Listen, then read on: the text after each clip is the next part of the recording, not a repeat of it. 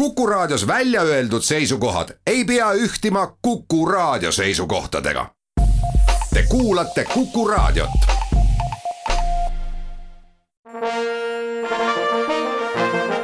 Vanemuise veerand tere kõigile teile, head Kuku raadio kuulajad. eetris on Vanemuise veerandi selle hooaja esimene saade. saates on külas Vanemuise teatri näitlejad. tere, Priit Strandberg. tere. tere, Ken Rüütel. tervist. Mina olen saatejuht Tiiu Rööp. suvi, kui nüüd mõelda selle peale, et selles suves on väga palju spordist juttu olnud, siis võib tänavuse suve kohta öelda, et ta on jõudnud staadionil viimasesse finišieelsesse kurvi. kuidas teil suvi läinud on? Ken, sina mängisid Vanemuise suvelavastuses tuhat üheksasada kaheksakümmend neli. just minu suvi esimene pool, siis kui olid need tohutud kuumad, mööduski Tartu kammivabrikus Orwellit tehes tuhat üheksasada kaheksakümmend nelja ja, ja peale seda ma olen saanud nüüd äh, natuke puhata, natuke siin äh, ka filmimaailmas kätt proovida aga, aga olen jõudnud ka võtta täitsa aega maha ja natuke iseendaga olla ja mõelda esimesele hooajale Vanemuise teatris.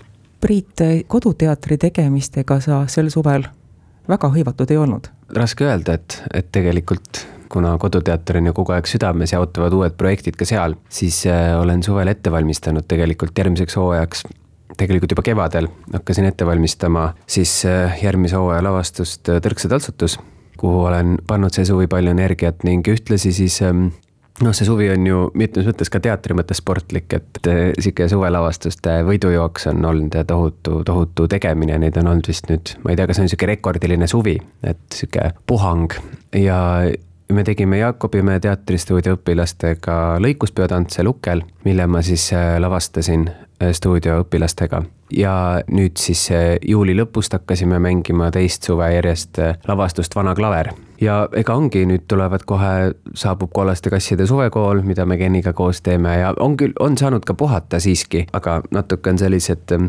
ettevalmistusmõtted ja, ja töömõtted seda puhkust ikkagi saatnud kollaste kasside suvekool oligi see põhjus, miks ma palusin teil saatesse külla tulla. Te oleksite soovinud pigem rohkem oma suvest rääkida ja uue hooaja plaanidest. mõtlesin, et on persooni lugu uus hooaeg, Priit, tuleb sinu jaoks ju Vanemuises eriline see on kümnes hooaeg sinule. jah, ma ei teagi, kas see on, on, kas see number, number on kuidagi eriline, ma ise olen, olen mõelnud sellele küll. mõtlen kuidagi niipidi, et, et kui mina lavakooli lõpetasin, siis äh, oli, kes siis kümme aastat oli teatris olnud. ma mäletan, et see hetk, kui ma lavakooli lõpetasin, siis need inimesed tundusid mitte vanad, aga vanad tegijad, nad tundusid, nad on väga kaua teatris olnud, teavad, kuidas see kõik käib ja siis nüüd olles ise siinmaal, üheti ma tunnen, et ähm, et lavakooli õpilased vist vaatavad, et ma olen väga vana et no või mõelda seda, et ma oleks justkui vana tegija. aga ma ise tunnen, et, et just praegu on võib-olla selline aeg, kus tegelikult hakkab selgemini pinnale tõusma see, mida sa ise tahad teha, mis sulle endale meeldib.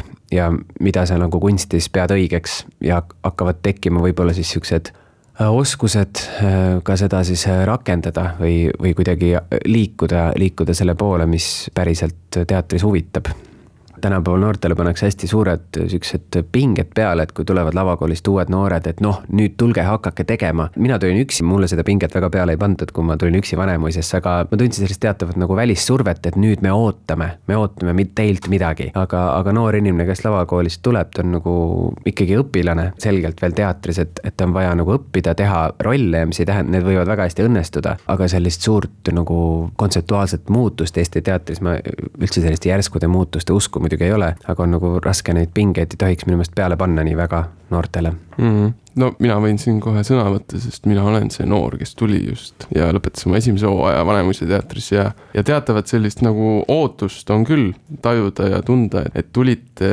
oma värske ja uue energiaga ja et, et mis te siis nüüd siin peale hakkate, et, et mis seinad te maha lõhute ja ja mida te tahate kõik siin korda saata, aga, aga ise tunned just seda, et ei oska mitte midagi ja, ja just tahaks nagu vaadata, et, et kuidas see teatrisüsteem siis siin Vanemuises toimib ja millised on kolleegid ja kõik see. aga Priidu jutule ma võin peegeldada kohe seda, et ütlesid, et oled vana, et seda ei ole tajuda, et sa oled vana, aga just, et see, et sa oled vana tegija mina olen väga õnnelik, et, et sa oled mind võtnud mingitesse projektidesse kaasa, mida sa teed, näiteks Kollaste kasside suvekool, kuhu paati ma astun nagu väga hea meelega ja olen astunud juba. räägime Kollaste kasside suvekoolist. juba on eetriaeg on juba täis, vaata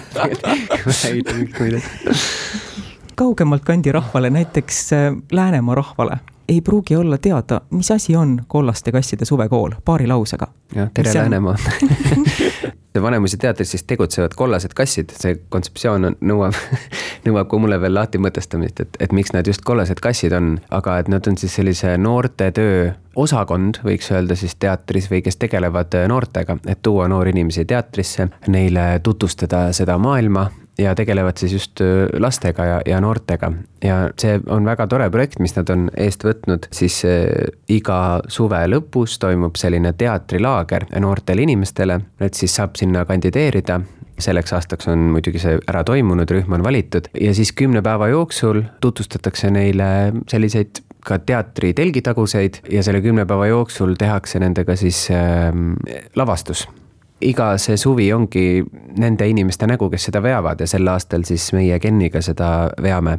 soov on luua nendega ka samuti selline tunniajane lavastus, aga et ta ei oleks nüüd lihtsalt selline tegemine, vaid ikkagi võimalikult siis sellises ähm, loomingulises protsessis ja nagu õppetöös seda läbi viia jah, ma lisaks võib-olla siis seda, et äh, selle kümne päeva jooksul me mitte ainult ei valmista seda lavastust ette, vaid nad saavad ka just nagu Priit ütles, näha teatri telgitagusid, ehk siis äh, kuidas grimmi tehakse ja kõigil on omad vastutusalad, et kes vastutab nagu rekvisiitide eest, lava eest, nad näevad, et äh, kuidas see teatrimehhanism toimib ja saavad ise igal pool kätt nagu kaasa lüüa. ja eesmärk ongi siis neid nagu võimalikult palju igale poole kaasata ja toimuvad ka nii-öelda siis iga päev sellised teatri tunnid, kus me teeme erinevaid harjutusi, et nad näeksid selle maailma nagu telgitaguseid, et see ei ole lihtsalt, et õpi tekst pähe ja mine lavale lavastus, mis valmib Kollaste kasside suvekooli raames ja mille esietendus on kahekümne üheksandal augustil Vanemuise väikeses majas, see on Pulcinella õnnetused. miks te naerate minu meelest see pealkiri on juba selles on juba nii palju. väga tore, jah. head huumorit. kes valis selle teksti? tõesti saab öelda, et me teksti valisime koos, et, et võib-olla see impulss, et teha kommeedia dell'arte tuli minu poolt, aga, aga teksti me valisime koos. ja tegelikult ei saa öelda, et me valisime teksti, vaid me valisime stsenaariumi yeah et see nõuab sellist natuke seletamist, et commedia dell'arte on siis kuueteistkümnenda sajandi Itaaliast pärit teatrivorm, mis põhines siis improvisatsioonil ja, hästi palju siis näitlejatel ja nende tegelaskujudel. noh, et oli näitleja, ma ei tea, näiteks, et mina, Priit Strandberg, mängin siis terve elu, mängin esimest armastajat, kelle nimi on Lucio näiteks.